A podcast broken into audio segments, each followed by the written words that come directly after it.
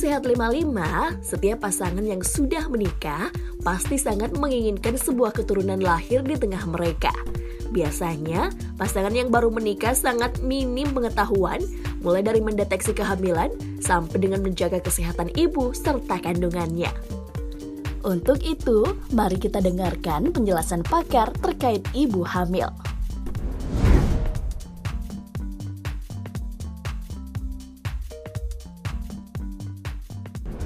Paling awal tanda bahwa dia hamil adalah terlambatnya haidnya. Ya. Jika haidnya terlambat, apalagi sudah lebih dari uh, tiga kali siklus terlambat, nah, itu bisa saja terjadi kehamilan. Nah, jadi disebut dengan amenore. Nah, kemudian kedua, uh, biasanya ada beberapa pasien yang merasa mual di pagi hari.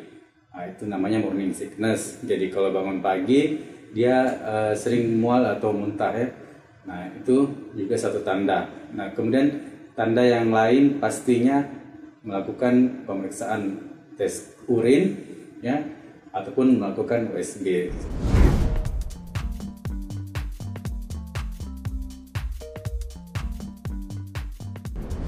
Penyebabnya e, mual muntah ini pertama tadi memang hormonal ya.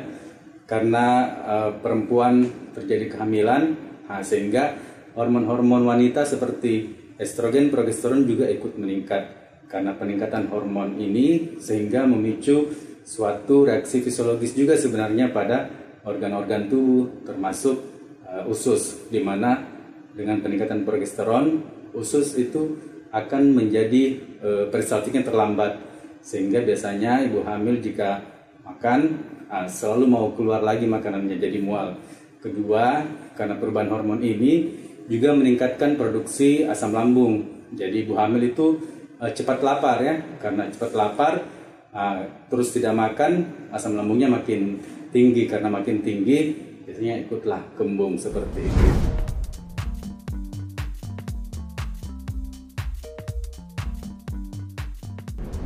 Pertama, kita harus ketahui bahwa obat yang diminum apakah itu berupa vitamin atau memang obat untuk menangani penyakit. Nah, kalau dia berbentuk multivitamin itu bisa pada ibu hamil dan memang sudah dibuat beberapa multivitamin yang dikhususkan untuk ibu hamil di mana isinya memang berguna untuk si ibu sendiri dan si bayi. Nah, kalau semuanya obat yang biasanya e, seperti kalau dia mual muntah berlebihan kita beri obat atau ada demam kita beri obat. Nah, namanya ada indikasi. Jadi kalau tidak ada indikasi sebaiknya dihindari minum obat sembarangan seperti itu. Terutama obat-obat yang bisa menyebabkan gangguan pada janin bahkan bisa menyebabkan cacat pada janin.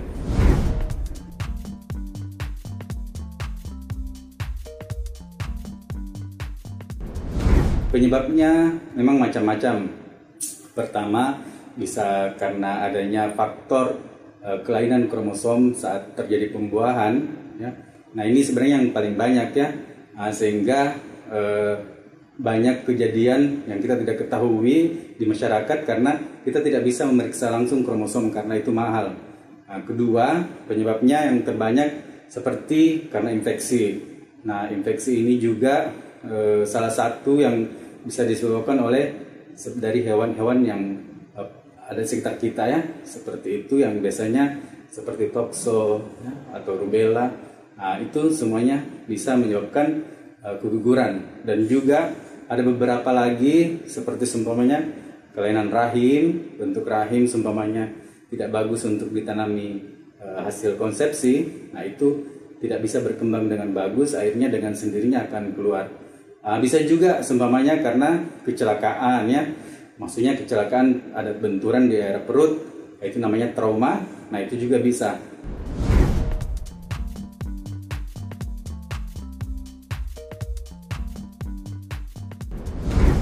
Untuk mencegah keguguran, yang paling pertama selalu periksakan kehamilan jika tahu hamil. Sehingga nanti akan diberi terapi uh, jika memang kita lihat itu terancam. Kedua, dia harus menjaga kehamilannya dengan cara tadi makan yang sehat, uh, jangan makan yang tidak sehat. bahkan tadi jika mual muntah berlebihan bisa menyebabkan keguguran ya. Nah, sehingga untuk mencegahnya ya perbaiki nutrisi, perbaiki nutrisi makanya ibu hamil itu sering diberi multivitamin supaya eh, kehamilannya berlangsung dengan baik. Biasanya dokter melarang untuk melakukan terlebih dahulu hubungan suami istri dikarenakan cairan dari si suami bisa menyebabkan kontraksi. Cuman hal ini masih e, belum terlalu banyak menyebabkan jadi biasanya ada orang yang masih bisa bertahan dan ada yang memang kita larang. Kemudian lagi eh, jangan terlalu eh, capek ya jika kegiatan sehari-hari. Kemudian lagi makanan juga ada sebenarnya yang perlu dihindari. Makanan yang eh, seperti nenas itu mengandung zat-zat eh, yang bisa merangsang terjadinya kontraksi seperti itu.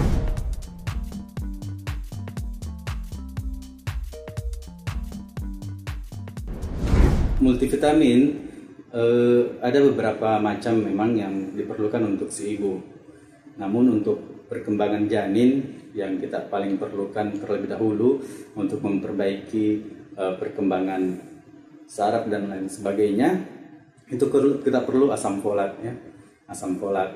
Nah terus untuk memperbaiki eh, darah dari atau HB si ibu supaya janin juga eh, dapat ya HB yang bagus Nah, itu ditambahkan dengan uh, zat besi ya, zat, besi.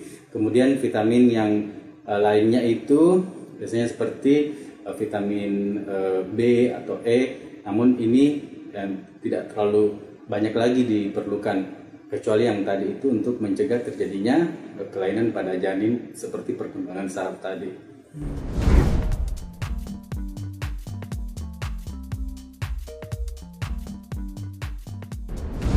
Terus olahraga untuk di kehamilan muda itu minimal jogging sudah cukup. Sebenarnya uh, juga harus dipahami faktor salah satu bikin mual tadi itu adalah stres.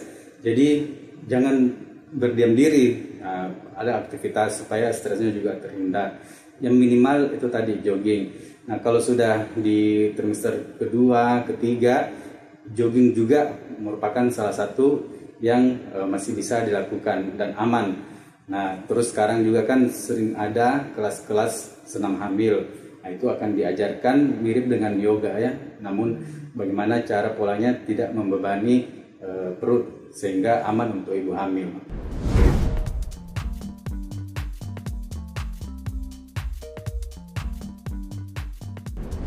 Pada ibu hamil pertama itu uh, sindrom yang bisa terjadi morning sickness ya. Jadi biasanya ibu hamil itu ada mual muntah. Nah, kemudian yang lain lagi adalah e, perkembangan dari si janin nah, bisa menyebabkan e, seperti kelainan ada bentuk e, seperti sindrom e, apa namanya itu yang retarded itu bayinya ya. Nah, itu bisa kalau sindrom yang e, lainnya hampir sama dengan orang-orang yang normal.